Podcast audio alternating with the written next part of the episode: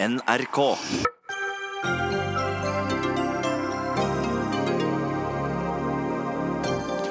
Rystelsene fra milliardtapet i kraftmarkedet sist mandag kjennes fortsatt. Senterpartiet mener markedet bør reguleres strammere, men stramme inn hva da, spør vi. Forbrukerrådet mener tobakksindustrien bør politianmeldes etter at nye målinger viser at sigaretter for salg i Norge overskrider grensene for kreftfremkallende stoffer. Ola Elvestuen varslet et riksdekkende nettverk av hydrogenstasjoner. Men har du hydrogenbil, ja, så kan du nå kun fylle opp bilen i Bergen eller Bærum. Og en sur gammel mann skrev på Facebook i dag at han ikke orker å se flere nyheter om verken Skal vi danse-antrekk eller Ex on the Beach-deltakere. Han møter en av dem som absolutt skriver om det.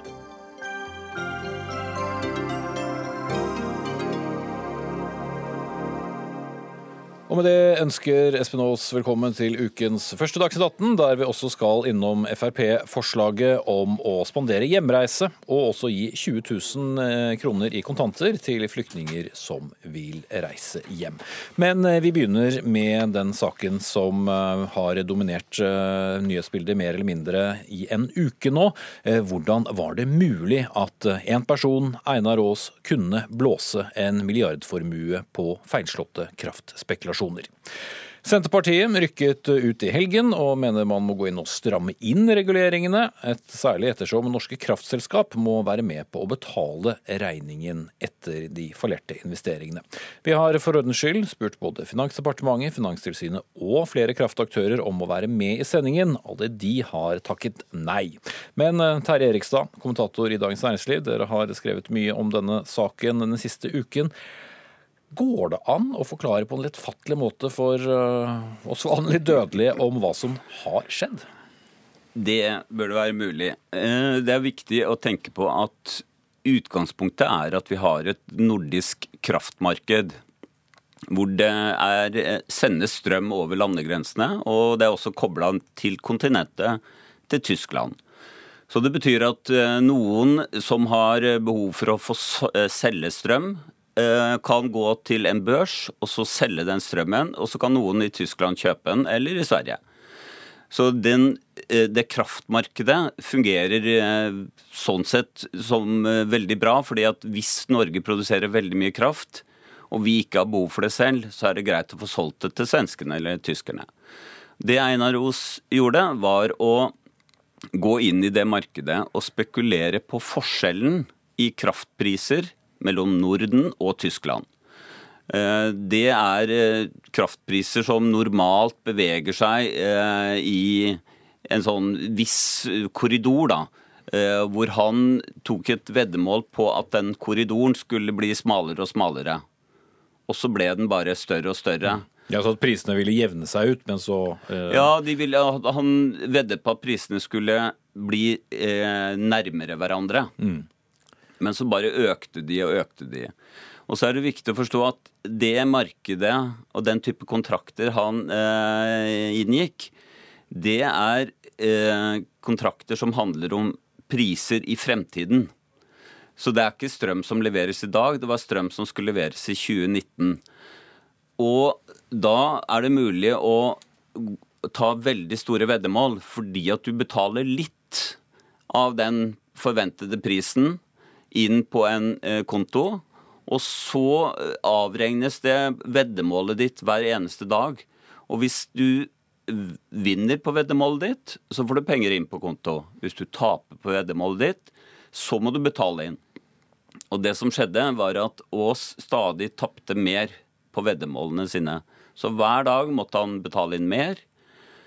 Og til slutt, mandag 10.9, så brukte han opp sine siste likvide midler, som han skrev i en pressemelding, altså sine siste tilgjengelige penger på en bankkonto. Og det var 350 millioner kroner. Og da var det slutt. Da hadde han ikke mer tilgjengelige midler å dekke de tapene på kontrakten. Men tapene er likevel eh, større? Ja, og tapene Det som skjedde da, var at børsen overtok posisjonene hans og, og stengte han ute fra børsen og solgte de kontraktene til noen andre. Men da var det et eh, stort hull fortsatt på over en milliard kroner som ikke var dekket. og som, som Aas må prøve å dekke nå i etterkant. Men om han, om han, har penger til det, eller verdier til det personlig, det gjenstår å se. Han har jo selv sagt at enten kan det bli en avtale, en såkalt akkord, eller han kan gå personlig konkurs da, som mm. følge av denne spekulasjonen. Men så er det også sagt at uh, aktørene i kraftbransjen her også må være med på å spleise og dekke opp dette tapet. Hvordan henger det sammen? Jo, fordi at eh, den type børs som uh, denne kraftbørsen er, så er det en institusjon i midten som sørger for at det gjøres opp mellom en selger og en kjøper. Uh, og den funksjonen må alle medlemmene på børsen delta i å være med i de lager da et sånt sikkerhetsfond, som er en slags sånn solidaritet mellom Sånn at alle medlemmene skal føle seg trygge. Og uh, det er dette sikkerhetsfondet da, som er blitt tømt, eller ikke helt, da, men 70% av det gikk med i dette her. Pluss at børsen selv da har vært nødt til å, å skyte inn egne penger. Fordi børsen kunne risikere å gå konkurs hvis uh, tapet hadde blitt Eh, ikke blitt stoppet, da. Mm. Eh, og eh, Sigbjørn Gjelsvik, stortingsrepresentant og finanspolitisk talsmann i Senterpartiet. Du rykket ut i, helgen og sa at her måtte det reguleres bedre. Men ut fra Erikstads forklaring, ja det er snakk om mye penger, men det var jo et nett der som sørget for at det fantes penger å, å gjøre opp for tapet. Så, så hva vil du regulere? Jo, men altså det her er jo helt vanvittig at én enkelt person eh, kan eh, ta så store tap. Altså Én ting er jo at eh, han har tapt så mye, men han har også ikke vært i nærheten av å kunne dekke det inn. Og Da må en eh, se på hva slags system en her har etablert. Eh, Nasdaq sier jo det at en her har operert godt innenfor de eh, retningslinjer som en har i dag. Det mener jeg er stort uh, utfordring å både gå inn på hvordan Nasdaq har eh, operert når hovedsystemet deres uh, ikke klarte å håndtere det, og når reservesystemet, altså det her fondet, ble brukt opp ca. 70 av, og offentlig eide kraftselskapet måtte trå til. Men, men, det, ja. Ja, men, uh, hva ønsker du å regulere? eller Senterpartiet ja, Jeg mener at det er flere ting en må se på. Blant annet så mener jeg en må se på blant annet såkalte posisjonsgrensene. altså Hvor mye en enkelt aktør kan sitte med i det nordiske markedet. altså Per i dag så er altså den grensa på 67 TWh. Altså det vil jo altså si at en enkelt aktør kan sitte med posisjoner tilsvarende et halvt års strømforbruk for hele Norge. Og Einar Aas, ifølge Nasdaq, det vil jo ikke, ikke gå ut med konkrete eh, størrelser, men sier at det var langt unna de grensene. Hva hvis en hadde kommet opp i en situasjon der en hadde vært opp mot de grensene, at en hadde hatt en så stor aktør som hadde gambla enda høyere enn det Einar Aas her gjorde? Det andre er jo å se på òg hvordan det såkalte clearing-systemet eh, fungerer, altså det som her Erikstad eh, viste til i oppgjørssystemet. Altså det at da en aktør kan sitte og fortsette å handle når en ser ting eh, åpenbart eh, er, på vei til å gå feil retning. Det er utrolig viktig å, eh, i et sånt system som det her, både å sørge for at enkeltaktører ikke kan bli for store, men òg å ha tilstrekkelige mekanismer for å sørge for å trå på bremsen når noe er i ferd med å gå galt. Mm. Du er også fra Bergen, Gjelsik. Vi skal ha med oss en til fra Bergen. Vi er Tore Johnsen, professor meritus ved Norges handelshøyskole og ekspert på, på finans. Er reguleringer av markedet veien å gå, Johnsen? Jeg, jeg tror ikke det. Eh, det kan være. Eh, det får vi jo se på etter at vi har funnet ut hva som egentlig skjedde. Men jeg tror det er viktig altså, å slå fast enkelte eh, viktige egenskaper. For det første det hevdes at norske kraftselskaper har tapt ved å måtte putte inn mer penger inn i sikkerhetssentralen. De samme selskapene har jo tjent minst like mye på å være eh, motsatt vei av, eh, av Ås. Så, så her er det flytte penger mellom to lommer, egentlig. Men det får vi nå se på etter at vi har funnet ut. Det er jo en norsk spesialvariant. Dette er et problem. Så kaster vi enten penger på det, eller vi regulerer.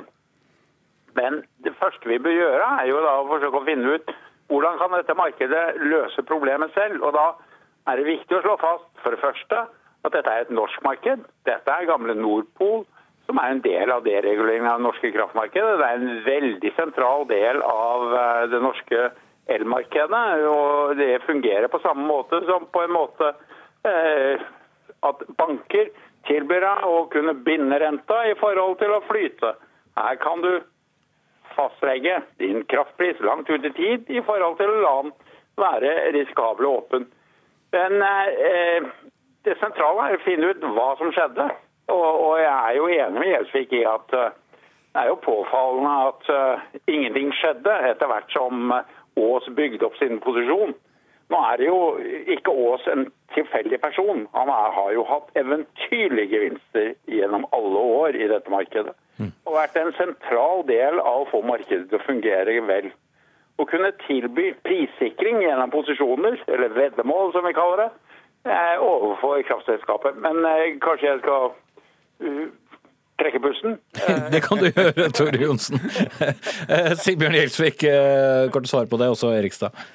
Jo, men altså, eh, Det kraftmarkedet som en har her, den markedsplassen og den børsen som, som en har, det er jo helt riktig at en har kraftselskap inne der, som er der bl.a. for å redusere sin, sin risiko. ikke sant? Men da er det nettopp viktig for at en skal ha tillit til en sånn markedsplass som det der. Og det er jo flere kraftselskap som nettopp nå er ute og påpeker at en sørger for at den er tilstrekkelig regulert. At en sørger for at enkeltaktører ikke kan spekulere over evne, og at en har tilstrekkelige mekanismer for å trå på, på, bremsen. Det er helt avgjørende for tilliten til en sånn markedsplass som det her. for det, Til sjuende og sist så er det noen som kommer tapende, tapende ut. Eh, nå ser jo en òg eh, skatteeksperter som sier det at eh, Eh, at, eh, at, eh, Einar Aas antageligvis gjennom skattelovas paragraf 14-7 kan skrive tap som i år på, på tidligere års skatteregning, sånn at det er òg norske, skatte, norske kommuner som òg blir bli sittende med et tap her. Sånn at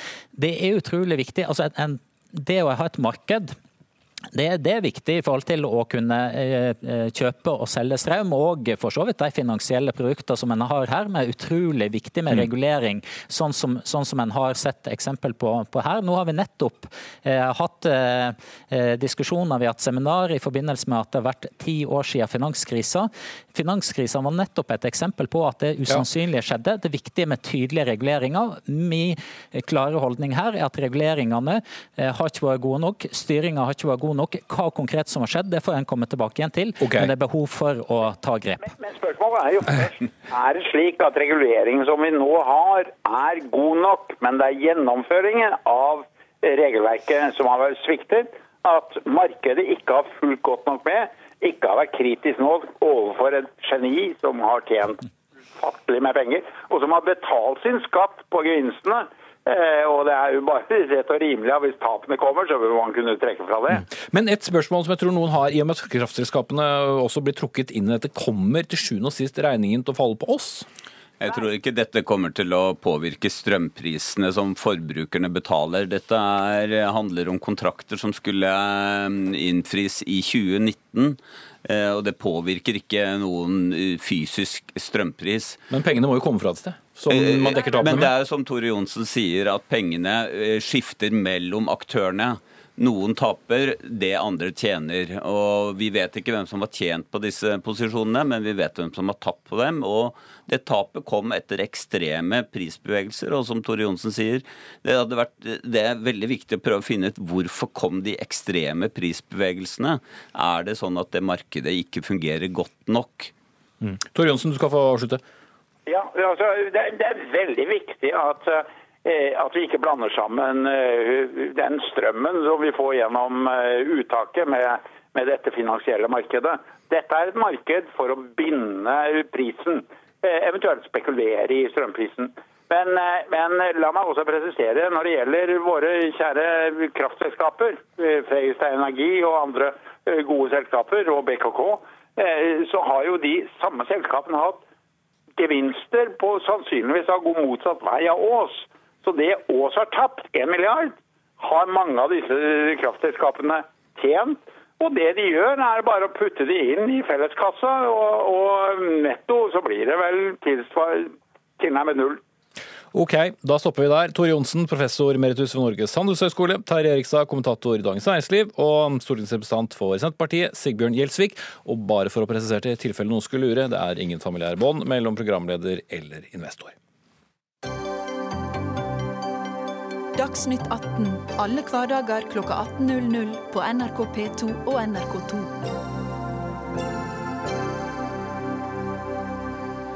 De færreste går vel rundt og lurer på om røyking er helseskadelig, men en ny undersøkelse tyder på at det er farligere enn antatt. Undersøkelsen er utført i Nederland for Kreftforeningen, og den viser at sigarettene som selges over disk her i landet, overskrider grensene for kreftkrem... Det var vanskelig.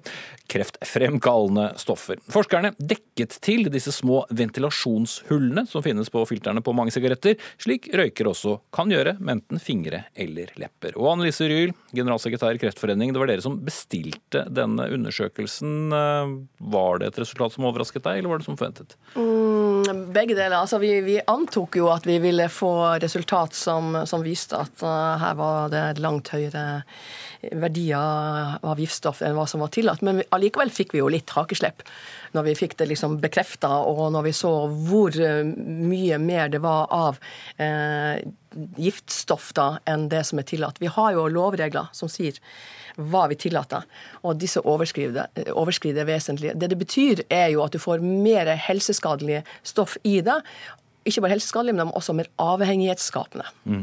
Men uh, samtidig, alle vi som har noen røykår på, på skogen, vi, det er jo et valg om du vil dekke det til eller ikke. Så hvis tobakksnæringen har laget disse spaltene for at noe skadelige stoffer skal sive ut der, så er det ikke deres problem at folk velger å ikke bruke det? Nå er det sånn at Folk flest er jo ikke klar over disse såkalte ventilasjonshullene, for du ser dem jo nesten ikke. Poenget med dem er jo at når du eh, måler sigaretter i denne apparaturen som, som finnes for å, for å, sjekke og for å få dokumentert at uh, de produktene er i henhold til uh, loven, uh, så vil ventilasjonshull gjøre at det kommer luft inn i sigaretten, og den blir litt mildere enn når du står der og røyker, for da har du gjerne fingrene over de hullene så du får med deg i deg mye mer giftstoff. For å, for å, si det sånn, Dette høres jo veldig teknisk ut og veldig komplisert.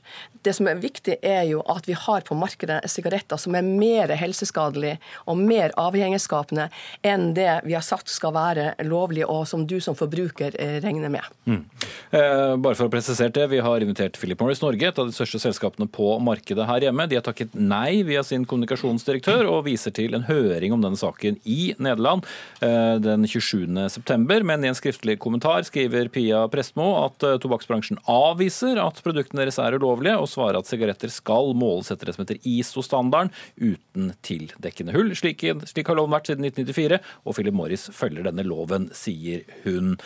Eh, men Åse Michaelsen, eldre- og folkehelseminister fra partiet Frp, du har tidligere uttalt til VG at du er sjokkert over det som eh, kommer frem her. Hvordan da? Ja, hvem er ikke sjokkert? Jeg tror ikke vi har vært klar noen, som verken de som røyker og de som ikke røyker, at uh, sigarettene har hatt disse ventilasjonshullene. Og det er jo noe det vi har også sett, at å se sammenheng mellom målemetode og hull, det er jo det som har kommet nå fram i det siste. Uh, men så skal vi jo være klar over at røykere selv vet jo at det å røyke er farlig. Og Norge har gjort en formidabel jobb med å få senke ned antallet som røyker fast. Uh, men derfor så er jo jeg svært opptatt av at forbrukerne vet og skal få, få rett informasjon om eh, innholdet i sigarettene. Og Det må være utgangspunktet for oss nå. Men så mye tid som vi har brukt på eh, røyking i dette landet, og for så vidt med de resultatene du viser til, så kan man jo lure på hvorfor ikke vi har funnet ut av dette før? Ja, altså Det har jo vært varsla om dette mange ganger, men det har ikke vært eh, gjort så mye. Vi mener jo at uh, denne runden Kreftforeninga har, uh, har, kjørt, har vist at myndighetene har gjort altfor lite. Så hvis vi liksom ser bakover, så vil vi jo si at det er ganske så kritikkverdig at man ikke har uh, sørga for hele tida å vite om det, de produktene vi har på markedet, er i henhold til den lovgivninga vi har. Vi gjør det jo når det gjelder mat, når det gjelder alt mulig annet. Restauranter må stenge. hvis de Eh, ikke opptrer i henhold til lovgivning. Og overalt ellers så vet jo vi som forbruker at uh, du kan stole på myndigheten, de passer på. Det har ikke skjedd her. Vi syns det er utrolig kritikkverdig. Men jeg må få lov å si en ting til. fordi at jeg har samtidig lyst til å rose ministeren som sitter ved siden av meg. fordi at det som har skjedd i det siste, er jo at man har nå griper man fatt i det. Og jeg ser jo at det er en vilje til å gjøre noe med det. Og det setter jeg veldig stor pris på. Men kanskje at, du har, at du ikke har fagfolk som vi kan stole på, det er jo ikke bra? Ja, altså nå er det jo sånn at Helsedirektoratet har jo den tilsynsmandatet og skal gjøre dette her. Men la oss nå si det at de hadde fulgt opp på alle punkt og prikker, så hadde du allikevel ikke kunnet endre så mye, for de hadde jo forholdt seg til denne her ISO-regelverket. Altså brukt den målemetoden som sånn sett er vedtatt i EU. Eh, det som er viktig nå, og det er jo det jeg har tatt initiativ til, òg etter det gode samarbeidet som Kreftforeninga har med å kjøre fram saken, er jo det at allerede før sommeren så satte jeg i gang med å se hva kan vi som nordiske land i fellesskap gjøre for å påvirke både for å få på plass nye målemetoder, og se på at eh, våre, eh, altså, våre land i fellesskap kan presse på eh, nye muligheter. Mm. Eh, jeg vil bare slippe til eh, sistemann her. Gunstein Insefjord, du er fagdirektør i Forbrukerrådet. og Du mener at eh, dette er så alvorlig at uh, industrien bør anmeldes? Dette er eh, veldig alvorlig. Jeg tror vi ser på den måten at eh, det store flertallet av de som røyker til daglig, de har prøvd å slutte. Enten en gang eller flere ganger. Eh, men de strever med det, og så går de da over til såkalte milde sigaretter i den tro at det er mindre helseskadelig. Og så får vi da altså målinger som viser at de såkalte milde sigarettene inneholder 56 ganger da mer skadelige stoffer enn det som er oppgitt. Unnskyld, hvor mye? Opptil 56 ganger mer skadelige stoffer enn det vi får oppgitt. Og det er, det er veldig alvorlig. Det er å, å, lyve. Og det er å føre forbruker bak lyset. Og en skal ikke, det er fullt mulig at bransjen her har klart å selge mer sigaretter ved å skape et inntrykk av at de milde sigarettene er mindre skadelige enn det det faktisk er. Dette er å lyve, og det skal ikke være lov. Utover at det har vært en del oppslag, særlig i VG, og vi tar debatten her. Hva skal vi gjøre, hva kan vi gjøre? Vi begynner med mm, staten og myndighetene her først. Michaelsen. Ja, som sagt, det var det første jeg gjorde når jeg hørte om det. Eh, det var å sette i gang et felles nordisk initiativ. Det skal diskuteres nå på Island. Norge har satt av agenda og vil ha dette opp eh, på. Så tenker jeg også det at eh, bare ved at vi har den debatten i dag, det at VG skriver om det, at det er en rettssak i, i Nederland som kommer, så, så, så bevisstgjør vi jo røykere. For det er jo klart, røykerne vet at det er skadelig å røyke. Det er ikke der vi setter inn støtet. Men de skal forholde seg, og de skal kunne få vite eh, når de tar sine valg, eh, hva slags type sigaretter de forholder seg til, og innholdet i dette her. Mm. Ryl, hva mener du? De skal jo selvfølgelig ikke bli lurt, men i mitt hode er så enkelt at hvis du gjør noen ting som er over det lovlige, da er det ulovlig. Og da, for folk flest så tenker man at da må det jo trekkes ut av markedet. Slutt å selge sigaretter? De sigarettene som er i markedet, mener jo vi må trekkes ut av markedet. Så ser jeg at det er jo ikke vi som, som Kreftforening som skal gjøre det, det er myndighetene. Så jeg tillater at de får gå en runde til for å finne ut om de må ta ta og måle sjøl for å avsjekke det eller sjekke jussen i det.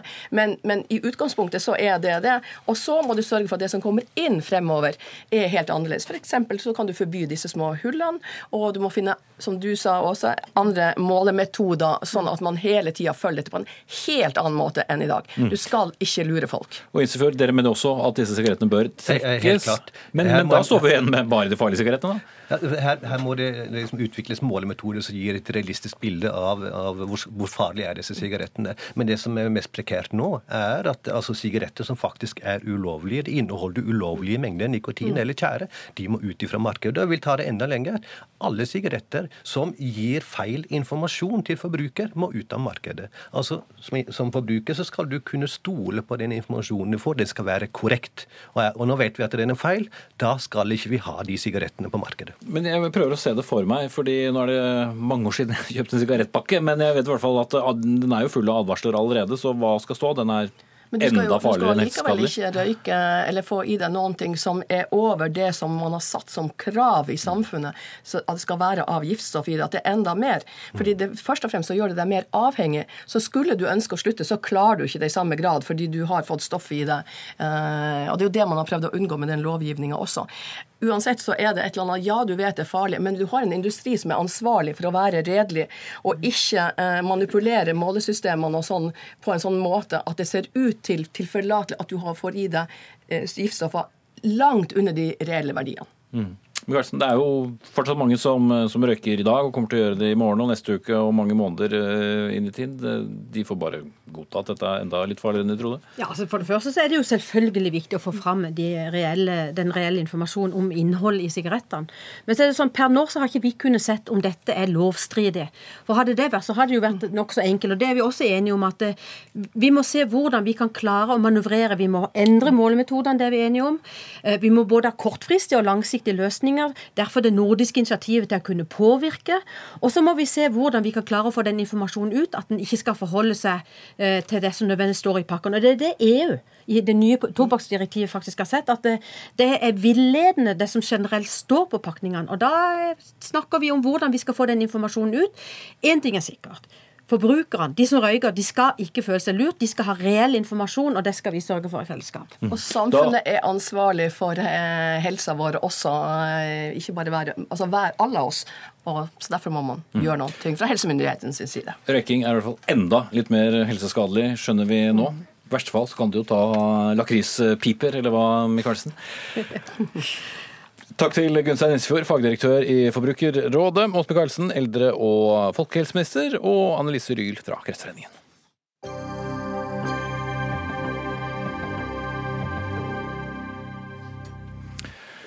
Rekk opp eh, hånden, den som eh, ikke har sett en viss eh, Skal vi danse-deltaker ved navn Frank Løkke kun tilført, unnskyld, iført en såkalt Borat-truse, eller en stringtruse strukket til bristepunktet, om du vil, hvis de har vært innom diverse nettaviser gjennom helgen. Men noen har også fått nok. For i et innlegg underskrevet med sur gammel mann, skriver nemlig en herre følgende i dag. Kjære Media-Norge og avisredaktører. Jeg orker ikke lese mer om Frank Løke og Skal vi danse. Jeg er fullstendig uinteressert i å lese om realityshow, om bloggere, og særlig om bloggende mødre som heier på døtre som har sex i X on the beach.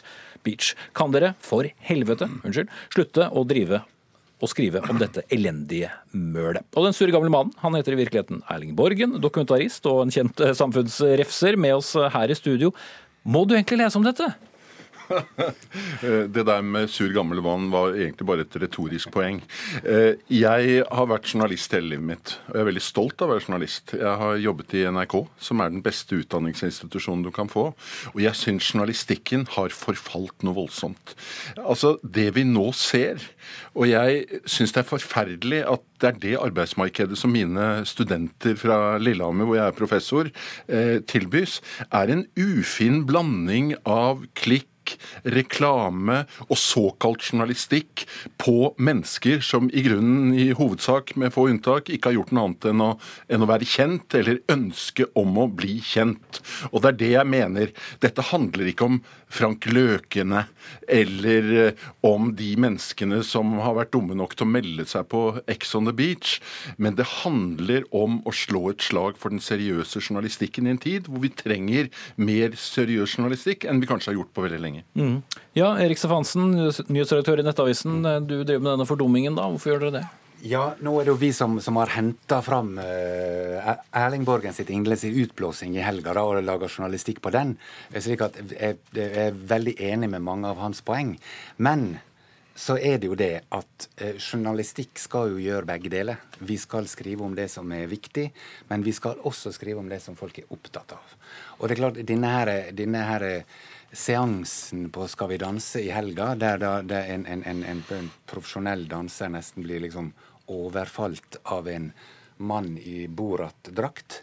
Det er klart det er interessant. Altså, det, det, viser jo bare, det, det, viser jo denne debatten her. Halve Norge snakker om dette her i dag.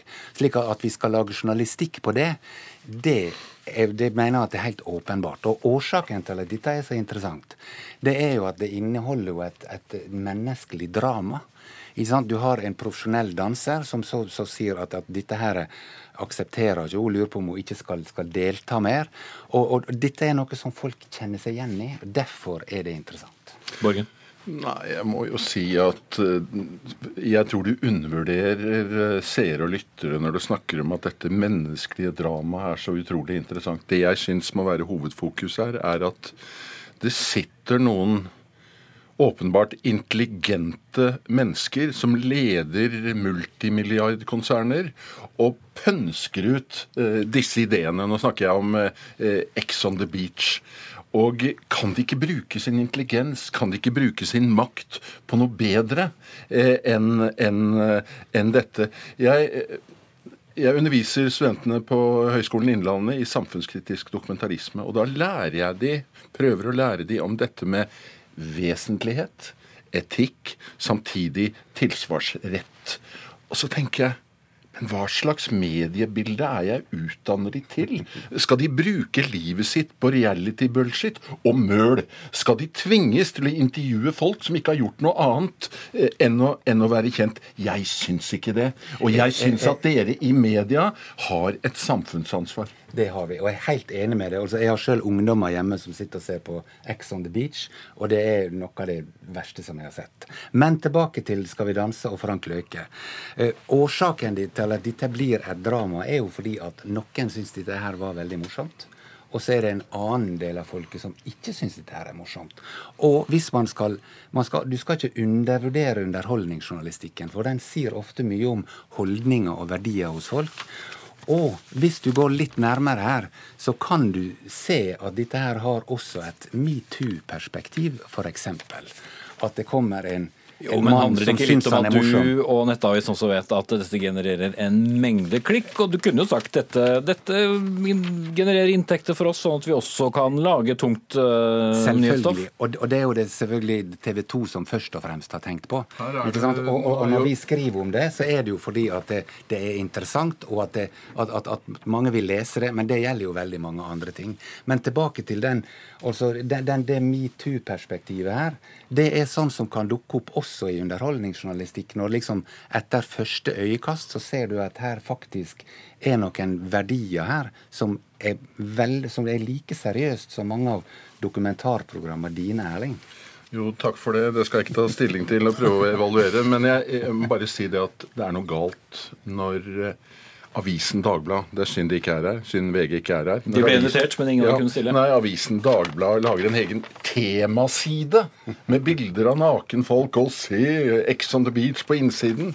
VG lager en egen propagandaartikkel. Se dette! Men de det lager mye annet òg, da. Og tilbake litt til poenget. Altså, de, de, lever jo av eh, oss på en annen måte. De trenger klikk, de trenger å generere reklameinntekter. Så hvis de genererer god journalistikk med det som du ikke anser som så veldig god journalistikk. Og er det, er det ikke da greit? Hvis de, det er jo daglige avsløringer i VG og Dagbladet? Ja da, det finnes mange dyktige journalister i Dagbladet og, og, og, VG. Men jeg syns denne debatten, og dette vil du og NRK like å høre, understreker viktigheten at vi har en lisensfinansiert eh, TV-kanal som slipper å, å skjele til klikkdiktaturet. Det er det. Men, men, husk også på det at for at folk skal, skal eh, ha lyst til å lese om det som er viktig, så er det også viktig at de blir underholdt. Hvis vi lager ei avis, Erling, jeg og du, som bare holdt, handla om viktige, alvorlige, seriøse ting, da var det ingen som gadd å lese om det. Jo, det er Slik helt at her, Ditt underholdningsstoffet, som også NRK er full av, så det, det, har en veldig viktig funksjon for at folk skal synes at det å lese aviser, se på TV Jeg vet du er en dyktig journalist, og jeg kunne godt tenke meg å lage den seriøse avisen Ja, skal vi gjøre det? For en fantastisk idé. Eh, jeg lover i hvert fall at verken undertegnede eller kollega Sigrid Solund, uten at jeg har snakket med henne, kommer i noen overraskende antrekk i dette studio med det første. Men takk til Erik Stefansen fra Nettavisen og Erling Borgen.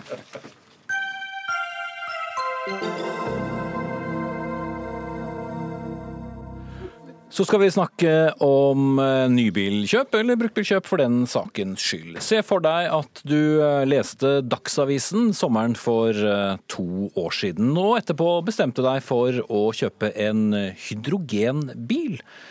Det ville kanskje ikke vært så rart heller, for 9.6.2016 så gikk alle de borgerlige partiene ut og sa at nå, nå skulle Norge bygges ut for hydrogenbiler.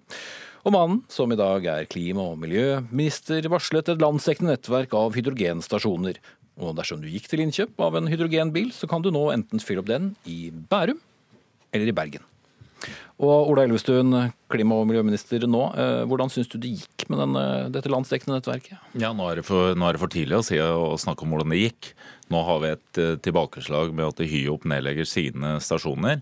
Men satsingen på fyllestasjoner for hydrogen, den fortsetter. Så det var et godt har... kjøp, de som kjøpte den gangen? Ja, de skal være trygge på at vi skal bygge ut et, eh, et landsomfattende nett av hydrogenstasjoner. Nå har det gitt to tilsagn til UnoX for å bygge to til, og det vil gi tre til i løpet av dette året. Det høres litt stusslig ut. Nei, du må huske på at hydrogen du er en tidlig fase for utvikling av brenselceller og hydrogen. Og det er ikke så mange stasjoner du trenger for å kunne dekke over ganske store områder nå i en tidlig fase. Litt langt å dra til Bergen eller Sandvika Ja, hvis du I dag er det for tidlig, og derfor er mitt signal at denne satsingen den fortsetter, og den fortsetter med den systematikken eh, som du trenger. Og Er du oppe i 20 stasjoner i, i Norge, så dekker du opp store deler av, av landet i den fasen vi er nå, i en, i en, eh, for de som, skal, de som kan kjøpe seg hydrogenbiler. Så mitt signal er at det kan du gjøre med, med trygghet. Og dette er noe som vi er tidlig med, og det skal vi fortsette med også åra framover. En av disse stasjonene ligger da i Bærum, som ligger i Akershus. Og Tonje Brenna, du er gruppeleder i Akershus Arbeiderparti. Og, og dere har jo også satset millionbeløp for å få opp denne hydrogensatsingen. Hvor god ble den investeringen?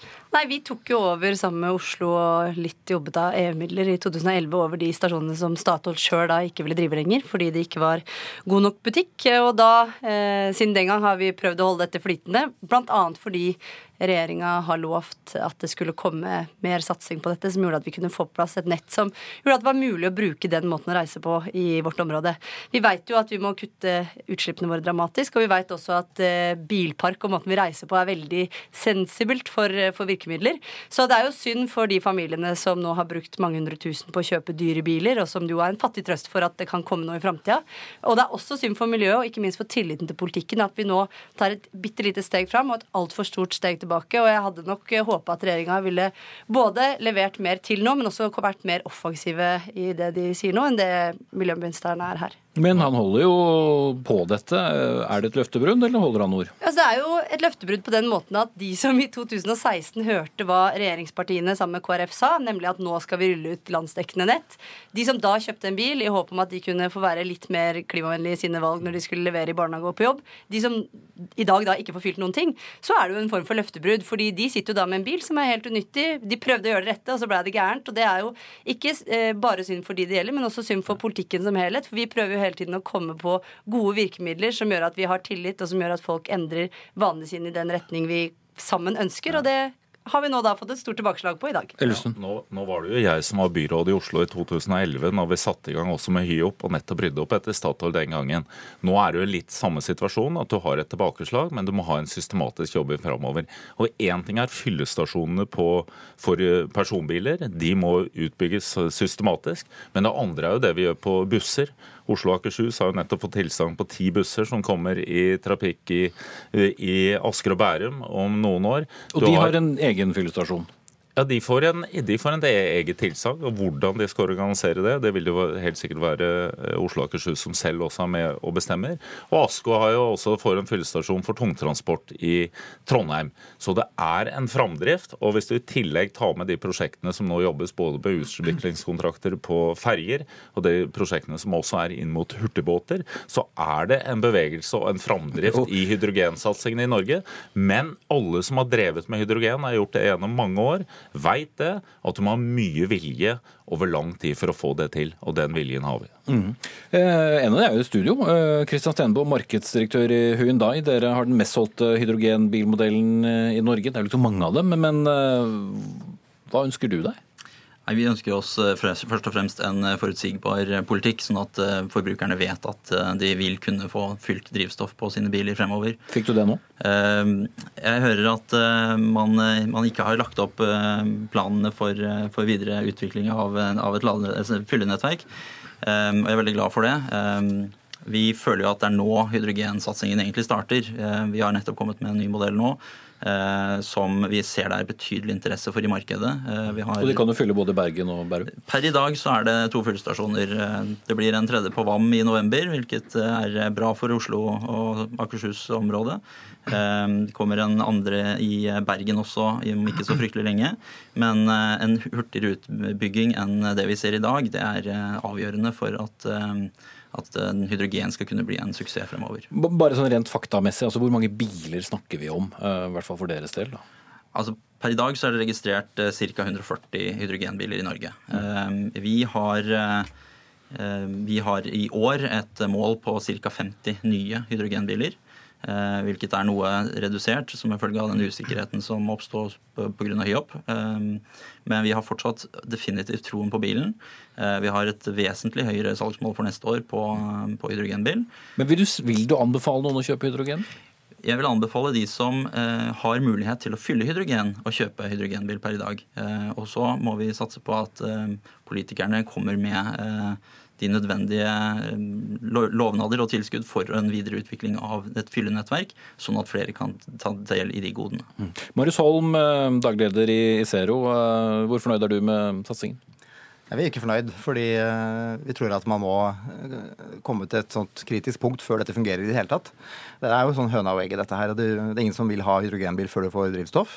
Og så er det ingen som vil selge drivstoff hvis det ikke er noen biler som kan kjøpe det. Og For å knekke den koden så må man bruke offentlige virkemidler. Og som Elvestuen sier, så er det en støtteordning og det er noen utlysninger, men det er litt eh, små skritt. Og det gjør jo at hele satsingen blir dyrere enn nødvendig, fordi eh, usikkerheten om hydrogen i det hele tatt blir noe greie på, den blir veldig høy hvis man ikke vet om det blir mer enn to-tre stasjoner av gangen. Hvis man hadde eh, sagt som Elvestuen var opptatt av eh, i opposisjon, så, så hadde vi eh, hatt en utlysning hvor vi hvor vi inviterte aktører til å bygge eh, kritisk masse av fyllestasjoner. Da ville aktørene vært sikre på at eh, dette blir noe av. Eh, da ville bilsalget gått raskere opp, og behovet for støtte ville antagelig blitt lavere. Elvestuen. Ja, Men hver fyllestasjon det er, det er jo ganske store kostnader ved det. Og Det jeg mener er viktig, og det jeg også ment tidligere, er jo at du må ha en trygghet for at disse fyllestasjonene kommer, og du har en stødighet i den utbyggingen som er. Og Det er som du sier nå, det er ca. 140 biler nå, og dette må selvfølgelig bygges opp over, over tid. Og da, og da er det eh, Du vil heller ikke kunne ha 20 stasjoner på ett eneste eh, anbud eller utlysning. Her så må dette gjøres over tid. Akkurat som du har hatt den, den gradvise utviklingen som vi også har hatt på elbiler, som har vært en stor suksess i Norge, så bør du også ha den gradvise utviklingen på, på hydrogen. Det som det ikke må være tvil om, er at denne satsingen fortsetter. Og Går du 10-15 år tilbake, så var jo også bare noen hundre elbiler i Norge. Men Tonje Brenna, altså, det er ikke sånn at Ola Elvestuen skal løpe rundt og åpne alle disse fyllpunktene. Når dere allerede har en i fylket, hva hindrer dere i å, å fortsette denne satsingen og, og gjøre Akershus fylke, så lenge det er det, eh, til eh, en, et utstillingsvindu for hydrogenbiler? Nå har jo vi gjort mer enn det man kanskje kan forvente av de fleste fylker her i landet. Og problemet her er jo det som også Holm er inne på, at du må nå et eh, visst punkt før det liksom løsner og markedet overtar og det blir trygghet for flere til å investere i de kjøretøyene som går på hydrogen. Det som er et dilemma for oss som politikere, er jo at vi alle forstår tror jeg, at det grønne skiftet vil koste. Alle er nok, Mange er i hvert fall villige til å ta noe risiko i den forbindelse. Men hvis det nå blir sånn at eh, lokalpolitikken slår den nasjonale politikken i hjel, og den nasjonale politikken ødelegger for den lokale, så har vi et problem. Fordi vi får ikke eh, tillit blant forbrukerne, og vi kommer heller ikke etter hvert til å tørre å ta risiko. Så problemet her er at vi var flinke innledningsvis da vi overtok for Statoil. Vi har venta på staten over mange år, og nå får vi det tilbakeslaget vi får. Eh, og allikevel så er ikke regjeringa mer offensiv enn det virker som. Simtef sier jo at hvis du har 1100 fyllestasjoner, så kan du dekke absolutt hele landet. Og de har eh, tall som sier noe sånn som at det vil koste omtrent 2 milliarder statlige kroner. Det er jo heller ikke all verden, men det blir all verden hvis vi gang på gang på gang fram til det kritiske punktet bruker offentlig og privat kapital eh, som ikke det blir noen ting ut av. Sånn at eh, enten så må man satse og gjøre det skikkelig, hånd i hånd, storting og lokalpolitikere, eller så må man på en måte la det være. For sånn som det er nå, så bruker vi også penger og forteller folk at det er lurt å kjøpe disse bilene uten at det egentlig er noe reelt tilbud. Og det er fortsatt en fattig trøst for den familien som nå har en hydrogenbil og ikke får kjørt til skole og barnehage, at du kan fylle i Bergen, eller at det kommer kanskje en annen stasjon om ti år. Det hjelper ikke noen å forflytte seg dit. Det er ikke lett å være forbruker. Det var jo en rød-grønn regjering som sa vi skulle kjøpe dieselbiler òg. Det gikk jo ikke noe bra, det Det var i hvert fall Statens vegvesen som kom med det rådet den gangen. Og de sier jo fortsatt i dag at de alltid vil prøve å gi det rådet som er best til enhver tid. Det er jo ikke vitenskap hvilke teknologier som slår an. Det er det ikke. Jeg er helt ydmyk på det. Så jeg tror ikke jeg har noe mer rett enn Elvestuen her, men jeg tror vi bare må være litt ydmyke i møte med hverandre og si at enten så gjør vi dette sammen,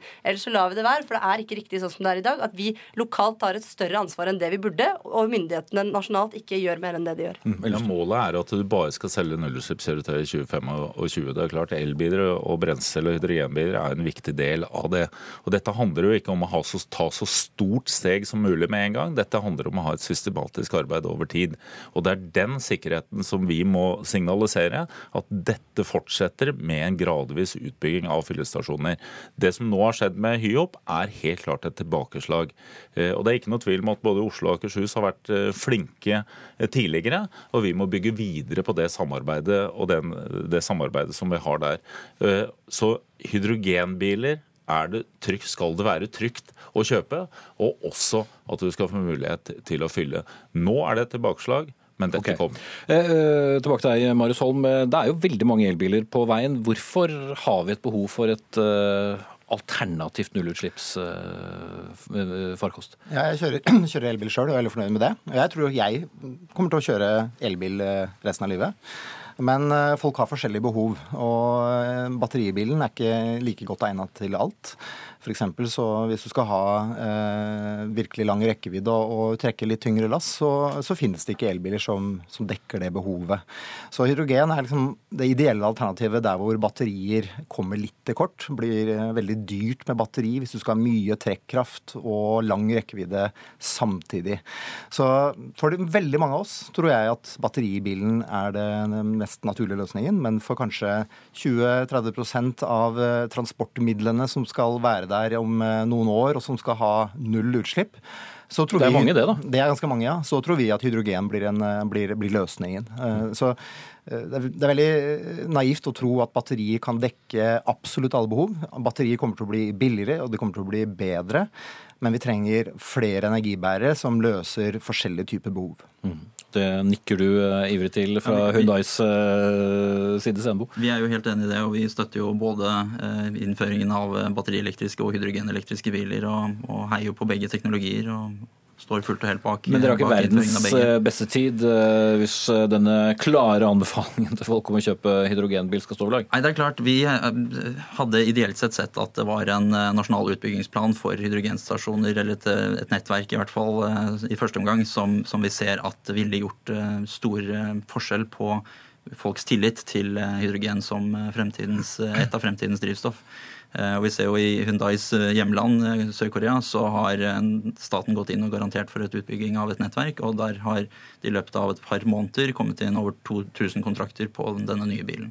Ja, for Elvestuen, vi pleier jo å si at vi mangler jo ikke penger i et land, så hva stopper oss fra å sette i gang denne storskilte utbyggingen som, som dere snakket om for noen år siden? Ja, nå er det mange ting vi, vi, for å, vi skal gjøre for å få ned utslippene. Vi må jo egentlig gjøre mer av alt.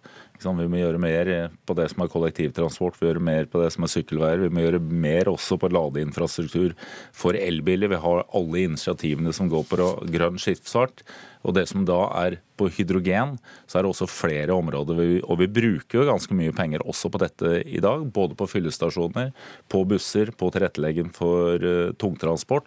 Og også det som er uh, utviklingskontrakter på ferger og de prosjektene som går på hurtigbåter. Så jeg mener her har vi en satsing, uh, men det tar tid med hydrogen og brenselceller. Og det er riktig her å ha også den riktige framdriften, sånn at vi har en framdrift for fyllestasjoner som ikke skal vente på at hydrogenbilene kommer, men som skal stå i forhold til det antallet hydrogenbiler som vi også har. Vi får tro at ikke alle disse anbefalingene bare går opp i vanndamp. Takk skal dere ha, Ola Elvestuen, klima- og miljøminister, Tonje Brenna, gruppeleder i Akershus Arbeiderparti, Marius Holm, dagleder i Zero, og Kristian Stenbo, markedsdirektør i Hyundai. Hør Dagsnytt 18 når du vil. Radio NRK Radio.nrk.no.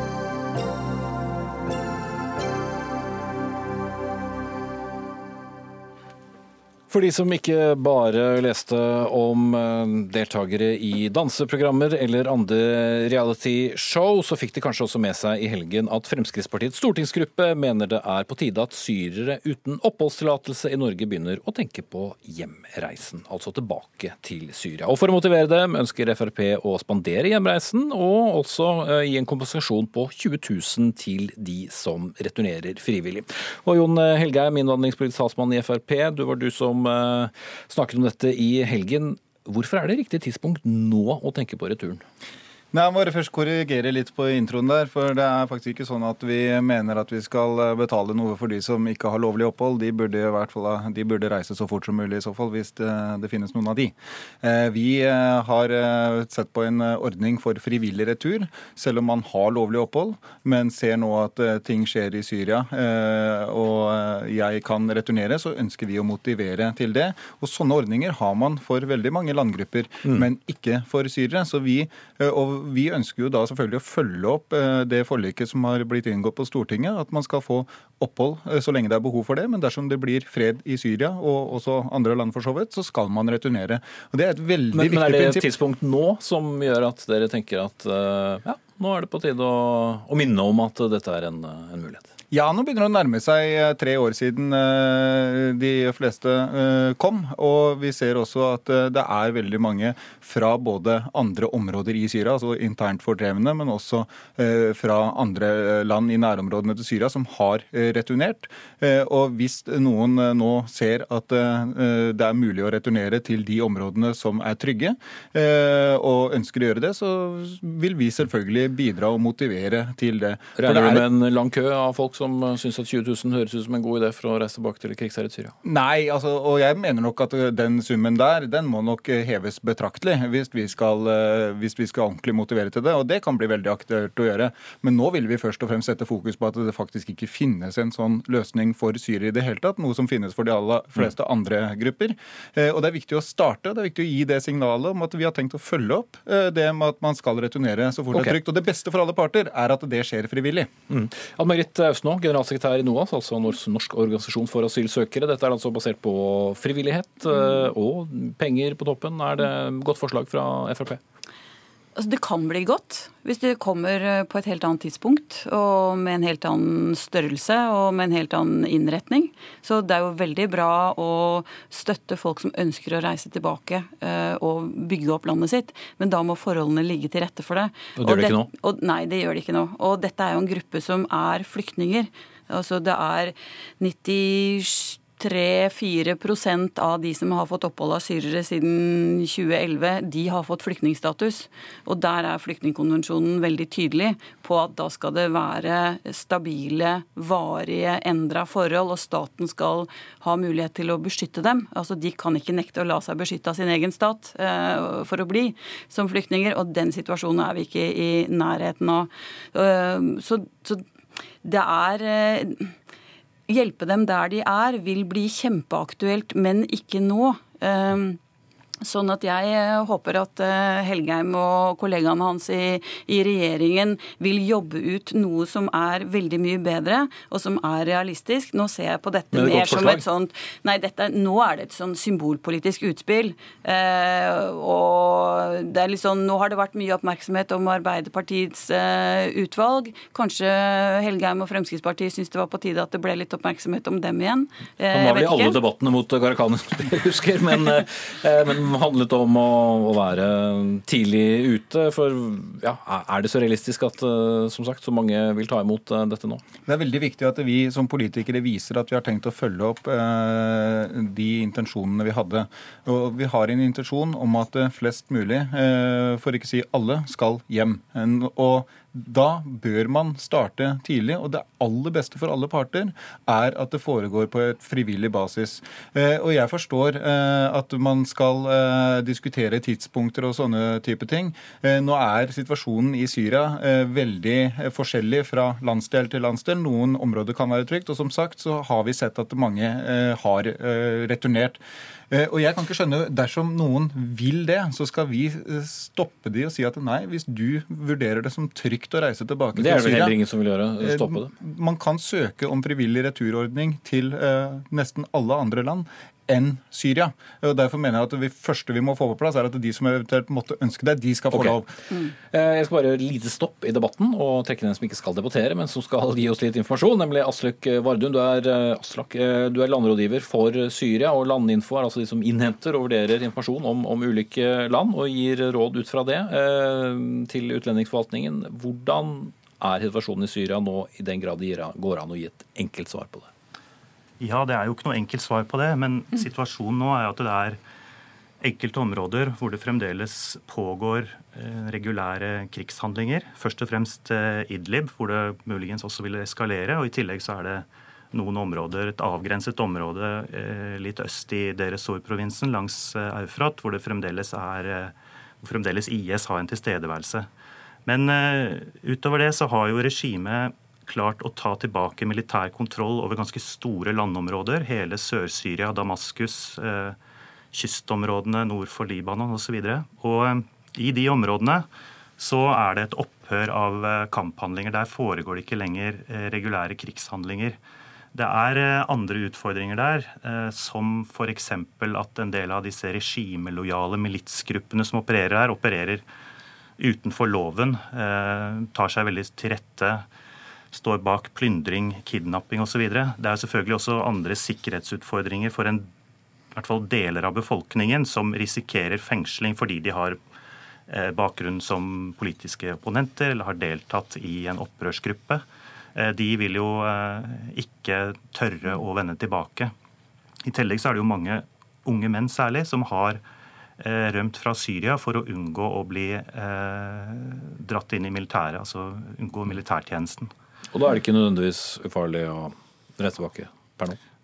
Da må du, hvis du reiser tilbake nå, påregne å Eh, bli innruert i militæret ganske fort. Noen kan også muligens få en tilleggsstraff, men de fleste vil sannsynligvis bli innrullert i militæret. Og da vil man jo bli, eh, bli kunne satt inn i, eh, i aktiv fronttjeneste. Mm. Det er for de som bare har skal vi si, ikke møtte opp til militærtjeneste. Har du desertert, så er det jo også mer alvorlig. Mm. Ja, Austenå, men igjen, Helgheims forslag var jo mm. ikke å reise hjem denne uken eller, eller neste. Så mm. det er det en, fortsatt en god idé å, å kunne tilrettelegge og så få diskutere virkemidlene? Ja, men det må komme mye seinere. Det er klart at, at, den norske stat og norske myndigheter kan ikke legge til rette for et system som de faktisk ikke kan ta ansvar for. Altså Hvis de først har en vurdering av situasjonen som det som blir presentert her, så er det sånn at selv om de ikke er aktive i krigshandlinger, så kan man ikke vite hva som vil skje, og det vil være forskjellige personer som vil være utsatt for ulike typer av reaksjoner fordi de blir vurdert som desertører eller opposisjonelle, eller de har feil feil tro i et feil område, eller de har blitt fratatt de eiendommene de hadde, de er konfiskert eller fortsatt okkupert, eller er tatt av Assads uh, mer eller mindre samarbeidsvillige grupperinger. Så uh, den situasjonen er så uavklart. Men, men igjen, altså jobb ut noe som vil være virkelig bra, og som vil være en reell hjelp, og som vil være en oppfylling av det å hjelpe de der de er, og hjelpe dem til å bygge opp det som var et av de mest mest blomstrende landene og økonomiene og samfunnene i Midtøsten. Det vil jo være bra for alle, men ikke kom med sånne symbolpolitiske utspill sånn som bare er for å skape, skape diskusjon. Fordi at det, eh, vi har en god erfaring med bosniere. Der hadde man skikkelig gode økonomiske tiltak, og man ga folk muligheten til å returnere, men fikk en angrefrist som ikke var veldig lang. Og da hadde man den tryggheten at man var ikke overlatt til ulvene og fullstendig usikkerhet om man returnerte. Og mange returnerte. Det var faktisk en suksesshistorie som jeg håper at eh, Helgheim vil, vil ta med seg sånn, videre. Det er litt sånn eh, at NOAS reagerer alltid på samme måte, uansett hva Frp foreslår, så lenge det er snakk om å faktisk håndheve det vi alle er enige om. At ah, når, Ikke den er vi helt enige om at vi, opphever, at vi Så skal man tilbake. Mm. og den nesten alle forslag Frp kommer med som har med at de som enten ønsker det da nå i denne mm. omgang, eller som bør reise tilbake, faktisk skal reise tilbake, så reagerer man sånn. Eh, og Her er det faktisk snakk om en frivillig ordning hvor alle kommer til å tjene på det, og da mener jeg det er helt uinteressant. Men hvor eh, mye vil, vil du sukre pillen, da? 20 000? Ja, så, så kan du reise tilbake til et eh, land i ruiner? Irakere fikk i sin tid opp mot 300 000 for mm. å returnere, eh, og jeg mener at uh, om den summen er veldig høy også for syrere, så er det en situasjon alle vil tjene på. Man trenger de personene, unge menn, tilbake igjen til Syria for å bygge opp landet. Eh, og det vil også dempe presset på Norge. Og da er det ikke egentlig veldig interessant om man prøver å unndra seg en militærtjeneste i Norge. Det syns ikke jeg skal være avgjørende i en sånn diskusjon. Vi skal tilrettelegge for frivillig retur, for det tjener alle å unndra seg en militærtjeneste der, men det, eh, Ja, og det er jo sanksjoner fordi man har stukket av fra å bli innrullert i Assads armé, som det er snakk om her. Og så snakker du jo ikke helt sant. Nå satt men, vi akkurat nå. Nå er det 20 sekunder igjen av denne sendingen. Uansett hvor mange ganger du prøver å avbryte meg nå, så kommer denne sendingen til å slutte om 15 sekunder. Ansvarlig for sendingen var Anne Katrine Førli, teknisk ansvarlig Erik Sandbråten, og her i studio Espen Aas. Fire sekunder igjen.